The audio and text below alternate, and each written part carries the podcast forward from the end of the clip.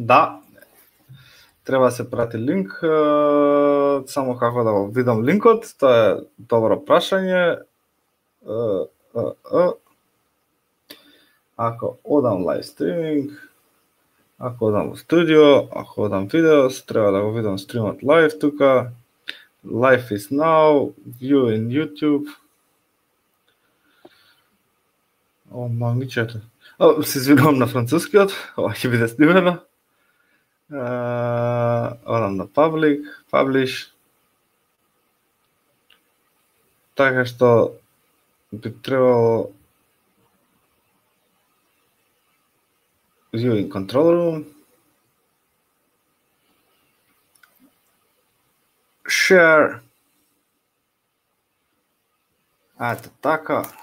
Еве го, стримот сега ќе го пуштиме на нашите uh, учесници, седум луѓе што беа на прво на Slack каналот. Па потоа ќе го пуштиме на Meetup. Се извинуваме за непријатностите. Ние ќе продолжиме, ова сепак ќе биде снимано, ако некој се откаже ќе ќе може да да го преслуша овој под, овој подкаст. А, значи, а, добар ден од мене, јас сум Ивица, со мене се Петар и Филип. Ние денеска ќе збориме на две-три теми. Првата тема, Петар, повели, почни. Петар? На милта не си? А, да, на милта. Здраво дечки, јас сум Петар, работам како DevOps инженер и би сакал да зборам на кратко за API Gateway. А, зошто го користиме и како би можеле да го интегрираме со Kubernetes кластер. А, алтернативи на Amazon API Gateway, open source и целата таа во комбинација, кои се моите искуства. Епа, во последно време работиме со а, другите клауд со други клауд провайдери како Azure и GCP. И таму наидовме на доста проблеми при имплементација на API Gateway. И тоа само ми реафирмираше мојата позиција дека AWS е супериорниот клауд кога доаѓа збор за многу голем број од сервисите и а, моментално бараме начин како да го имплементираме во нека open source верзија тоа API Gateway. Не знам дали сте работеле со тоа, дечки?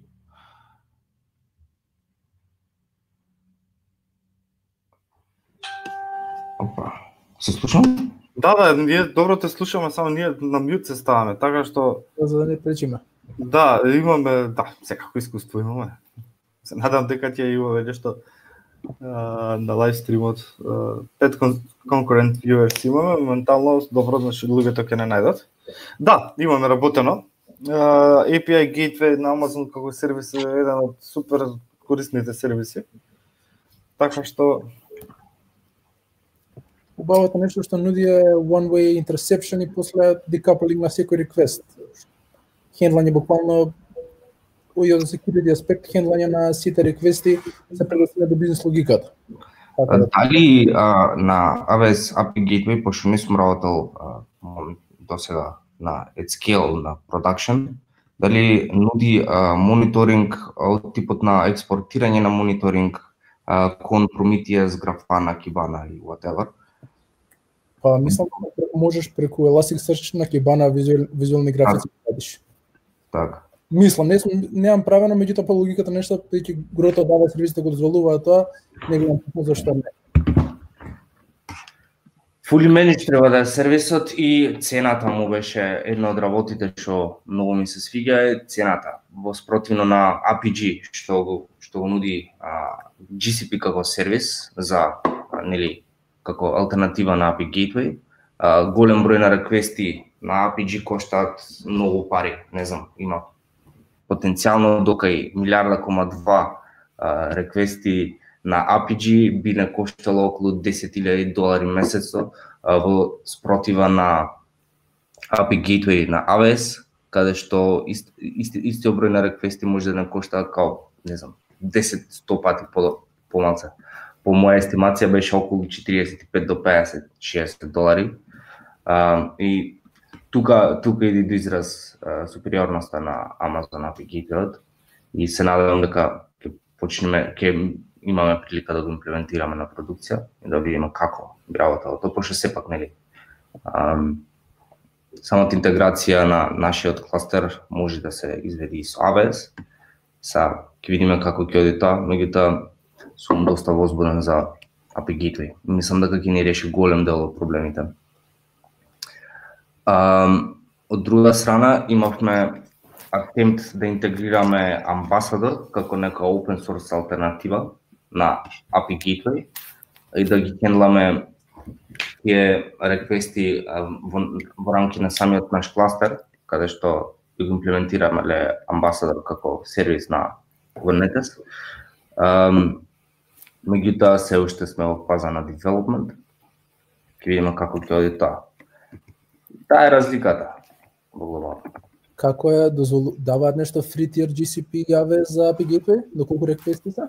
А, па free tier на GCP има, меѓутоа бројот на реквести е мал, а на AWS мислам дека е некој као 3 долари до 33 милиони реквести на API Gateway, што е доста голем број на реквести во зависност од која каков тип на апликација работите. А бидејќи немаат сум упатен во Azure, имаат алтернатива они за API Gateway некој сличен сервис?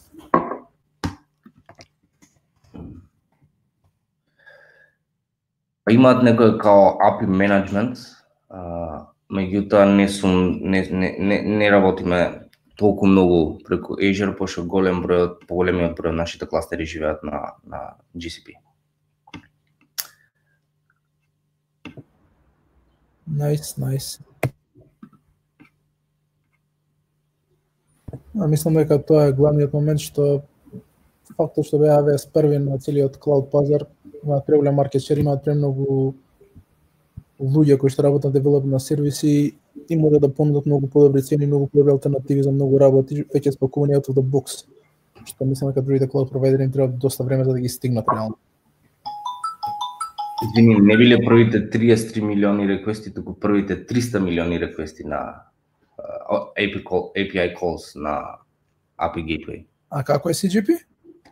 Uh, GCP Uh, нема out of the box нивна нивни solution као. API, меѓутоа се интегрираат со uh, API uh, и имат модел uh, кој што првите, не знам, као 100 100.000 request на API calls нетично ги нуди као без пари и а, следните нели не знам еден да имаш над него као ти оди во стандард пакет као буквално има licensing uh, tiers, стандард enterprise, enterprise plus и uh, во глобала прайсингот експоненцијално се расти и имаше многу малце безвезен момент каде што требаше actually да, да се контактира Google Cloud као буквално со sales тимот да преговараш колку и како би бил прайсингот на двата Сакаме да заклучиме дека всушност сервисот API Gateway што го нуди AWS е доволно меч, доволно созрян за нели користење како сервис без главоболки за разлика од другите cloud провайдери. И за разлика од uh, open source uh, сервиси овој um, open source алатките кои што може да се користат како некоја негова алтернатива.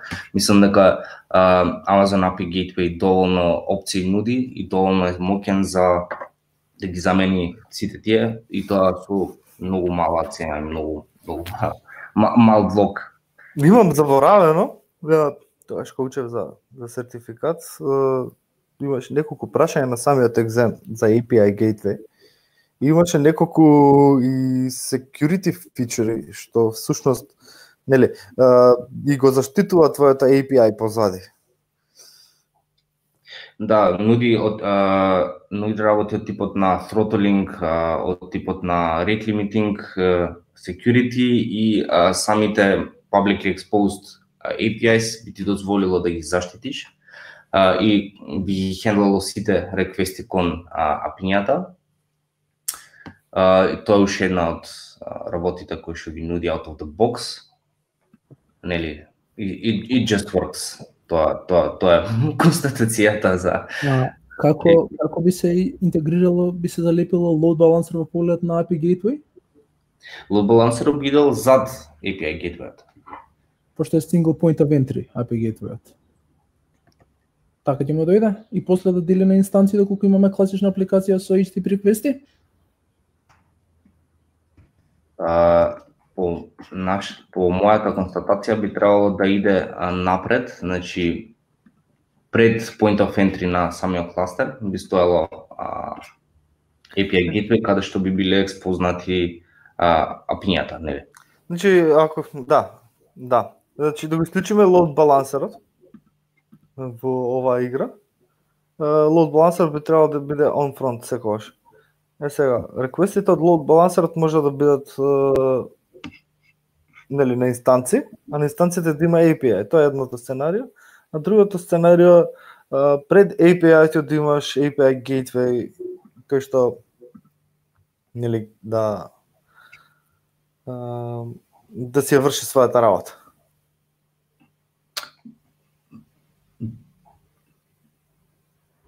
Да, уствари.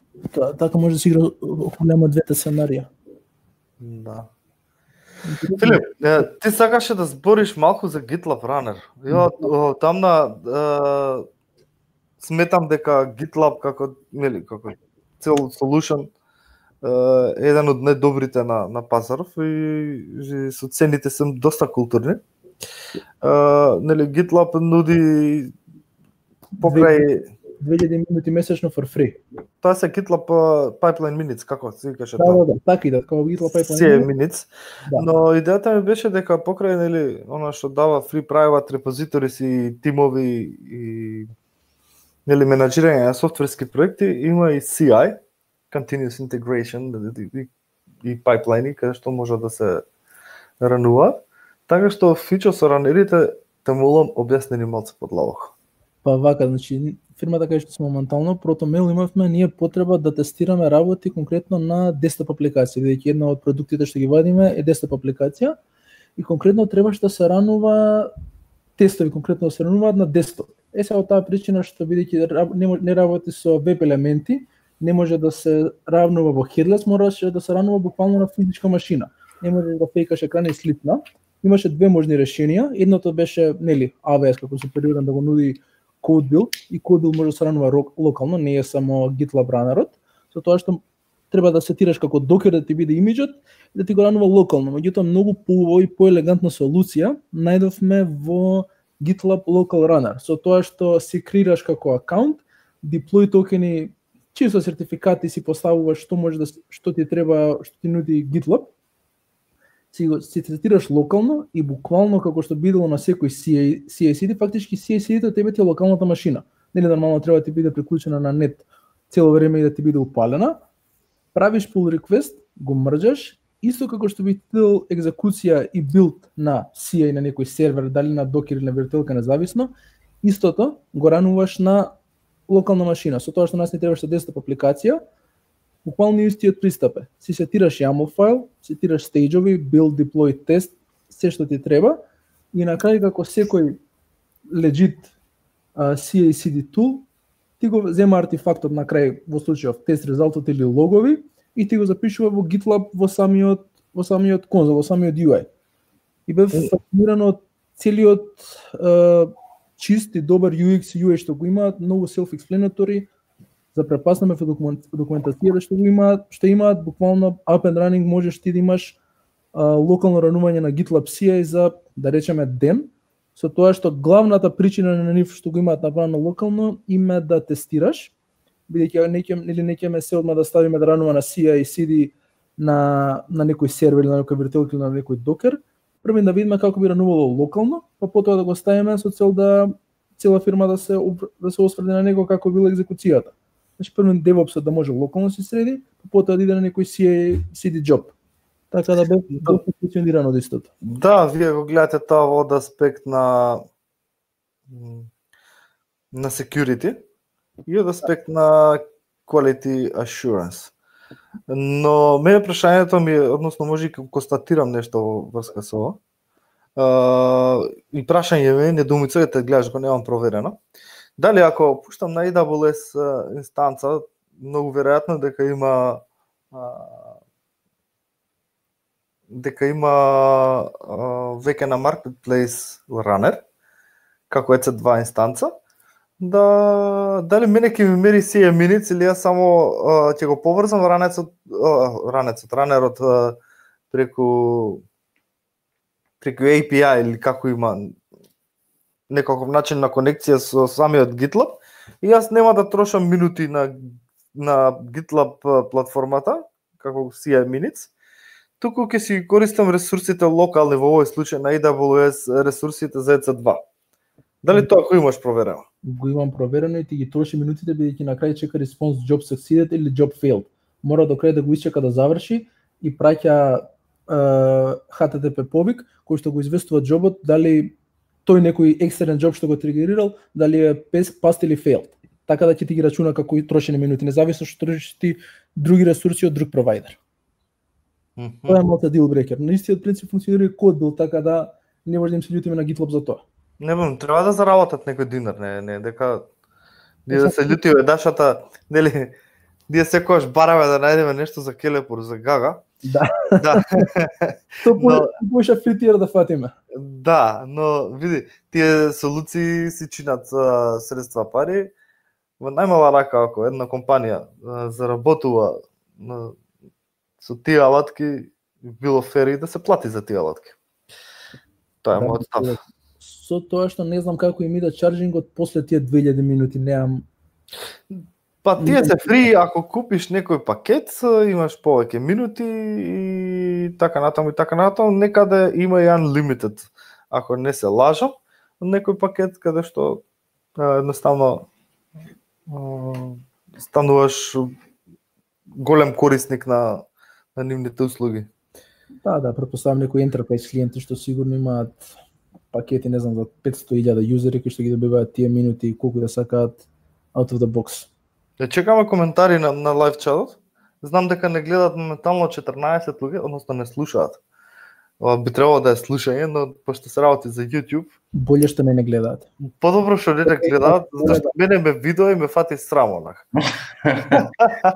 е, добро, јас уште еднаш сакам да се извинам заради непријатностите, но YouTube овој пат е, ја зафракна работа, со Петар Имов е направено тестирање дека тоа функционира смут.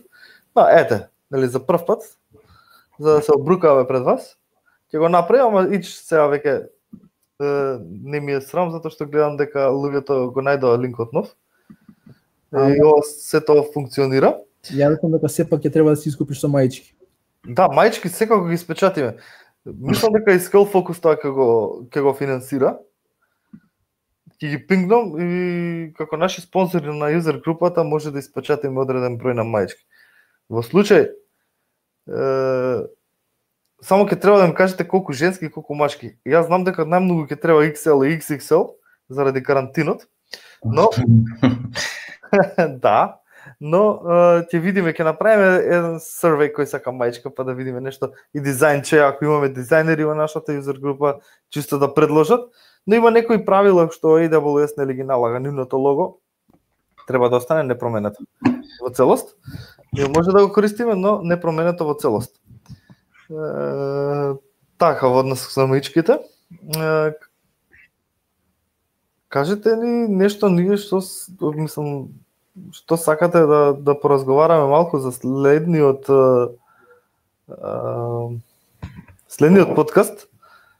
Односно нема да бидеме јас, Петар и, и Филип, може да биде некој друг што има за нели тема за разговор, да си поправиме муавет, ќе одиме лайв, се надевам без проблеми како денешните.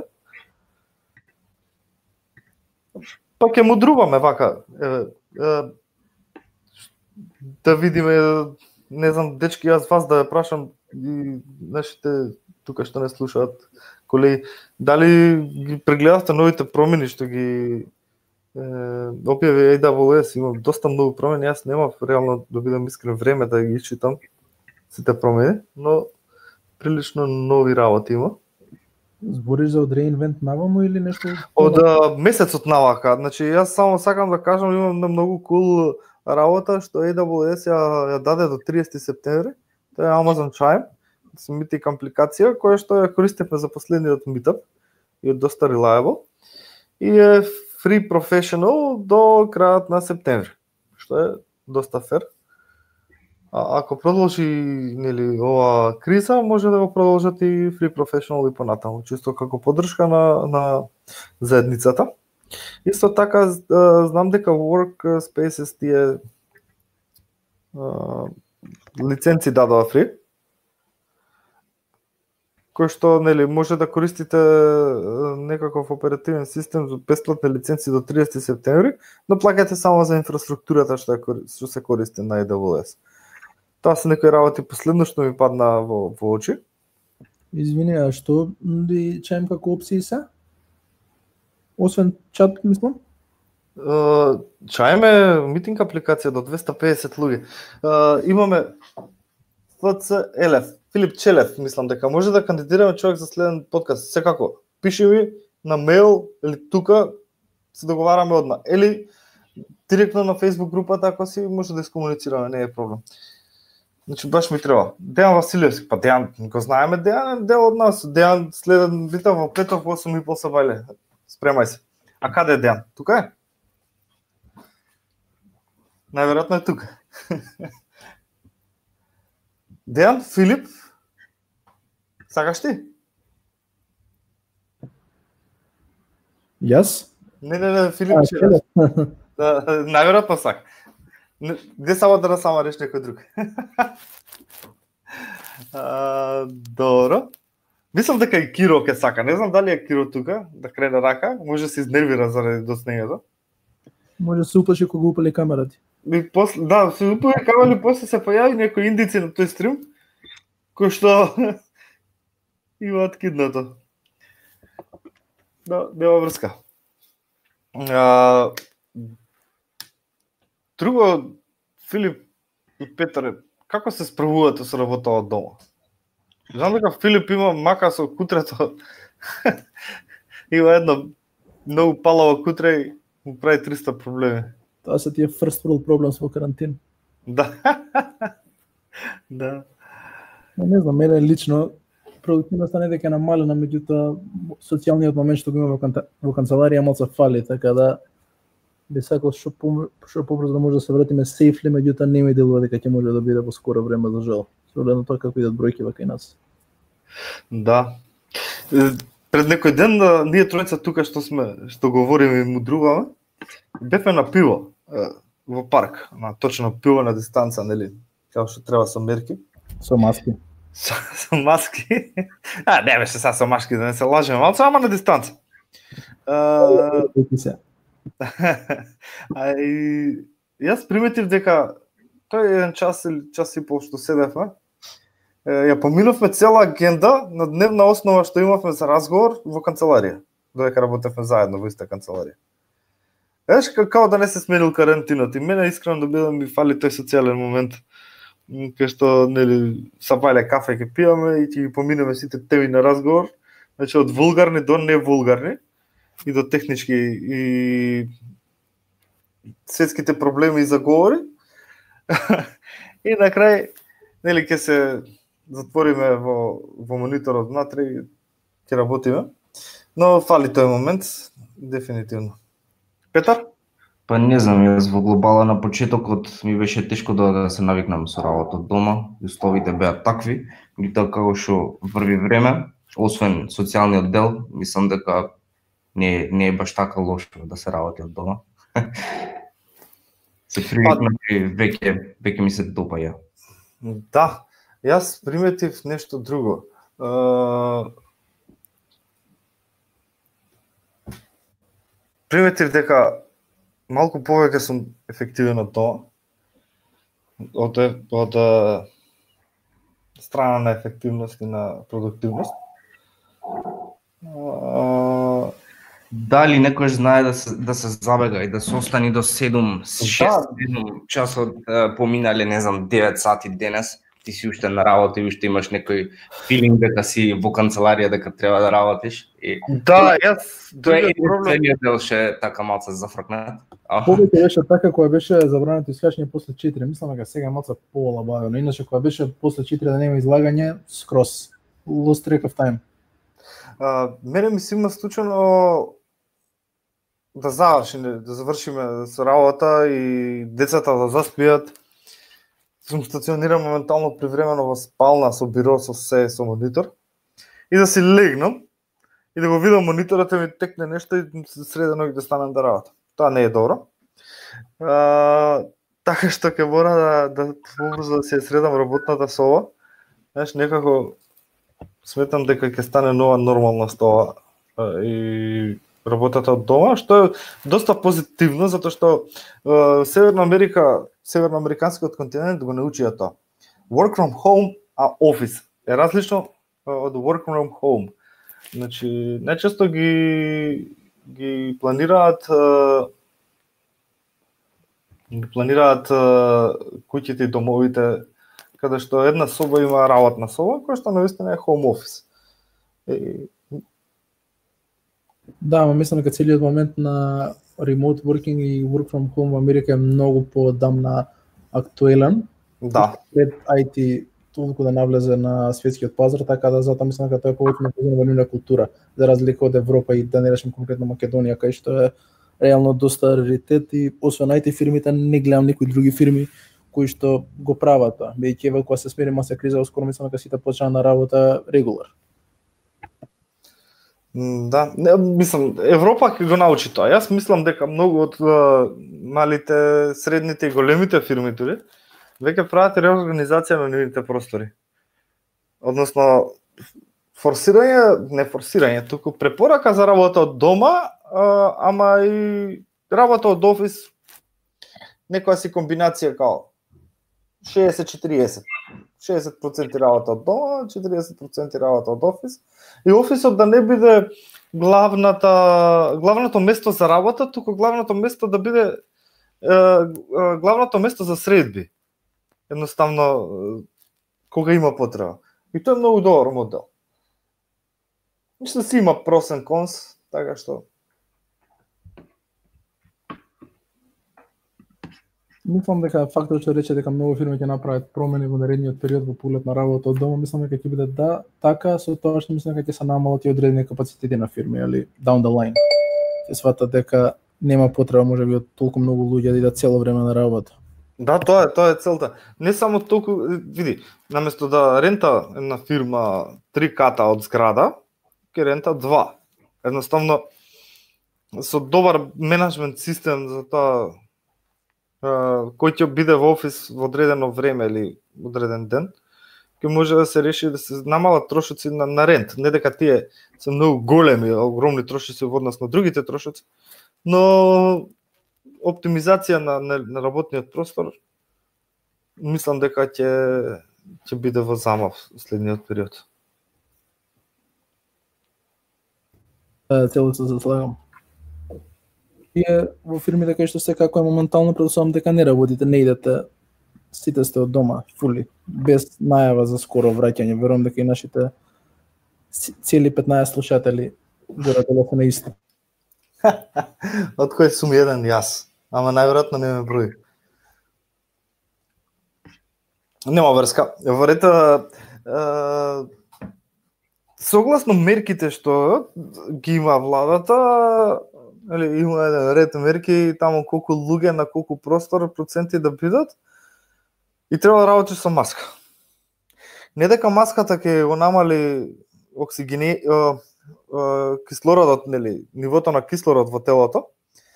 Е, тоа е докажано дека не го намалува, но така може да ви го испоти лицето. И да Е, фатите е непријатно за непријатно. Да, 8 сати со маска на тебе, додека не знам. Тоа на, на 40 степени скопско лето. Да, значи ова испадна дозволено да работите од офис, но Ама, под овие услови кои што не ги сакате. Да. И тоа е тоа. You choose. Да, да. Е, добро се Петар, како ќе правиш со со API? А, Ќе видиме, ќе се договориме, имаме уште недела дена да одлучиме. Па, не знам, а, евентуално на, на следниот пат кога ќе гостувам нели на а, подкаст кај во AWS User Group, може би ќе позборуваме малку подетално за што и како беше имплементирано. Looking forward to it. да. Ја мислам да не думате ич, да си отидете со Авес и онака да ја дадеме малце почит на целава заедница, да не се фркавате со Google и остали имитатори да не ги речам. Е, се знае за, зашто е лидер во Public Cloud Services, има, има и недостатоци, секако не може да биде без недостатоци. Е, но едноставно доверлив, доверлив Public Cloud Provider, Public Cloud Services Provider, така што мислам дека е Фрш, ако јас бирам, јас би го бирал AWS во однос на, на public cloud, cloud provider. Е, добро луѓе, 9.20 ние требаше да зборуваме еден час, 15-20 минути изгубивме на, на технички проблеми, што е некогаш и очекувано за прв пат. Значи, она, е, shit happens all the time.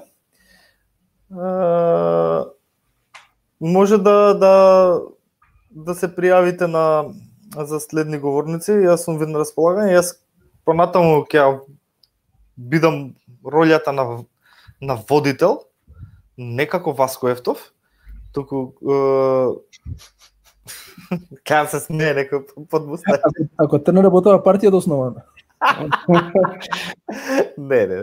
Како водител на овој подкаст, но не исклучувам можност некој од вас од заедницата да да биде и надвор од петок на сабајле, Мене ме е планот се додека имаме учесници еден или двајца покрај мене, да петок во 8.30 да се пуштаме лайв и да се мудруваме со кафе. На одредени теми, како денес, опуштено, без презентации, само со звук, Ја мислам споделиме знае. веќе има двајца кандидати за нареден петок. Па, гледам, а, Филип Челев, Целев, не знам да го спелувам како е на кирилица, и Дејан Василевски, кој е наместен од Филип. Така што Нема бегање. нема бегање, да. А, Джано, моли, а, може ти да бидеш учесничка на овој подкаст заради мајчката што праша, не за друго. Знам дека ќе пишеш на чет, ќе го прочитам тоа. Малце ни касни нас а, а, неколку секунди стримот на YouTube, но Тоа. А, Оке, а, ви благодарам на на сите што присуствуваат. Уште еднаш извинете за она што се случи. Следен пат ветуваме дека нема да се случи такво нешто слично. Have a nice day и have a nice weekend. Поздрав дечки. Поздрав. Поздрав, чао, чао.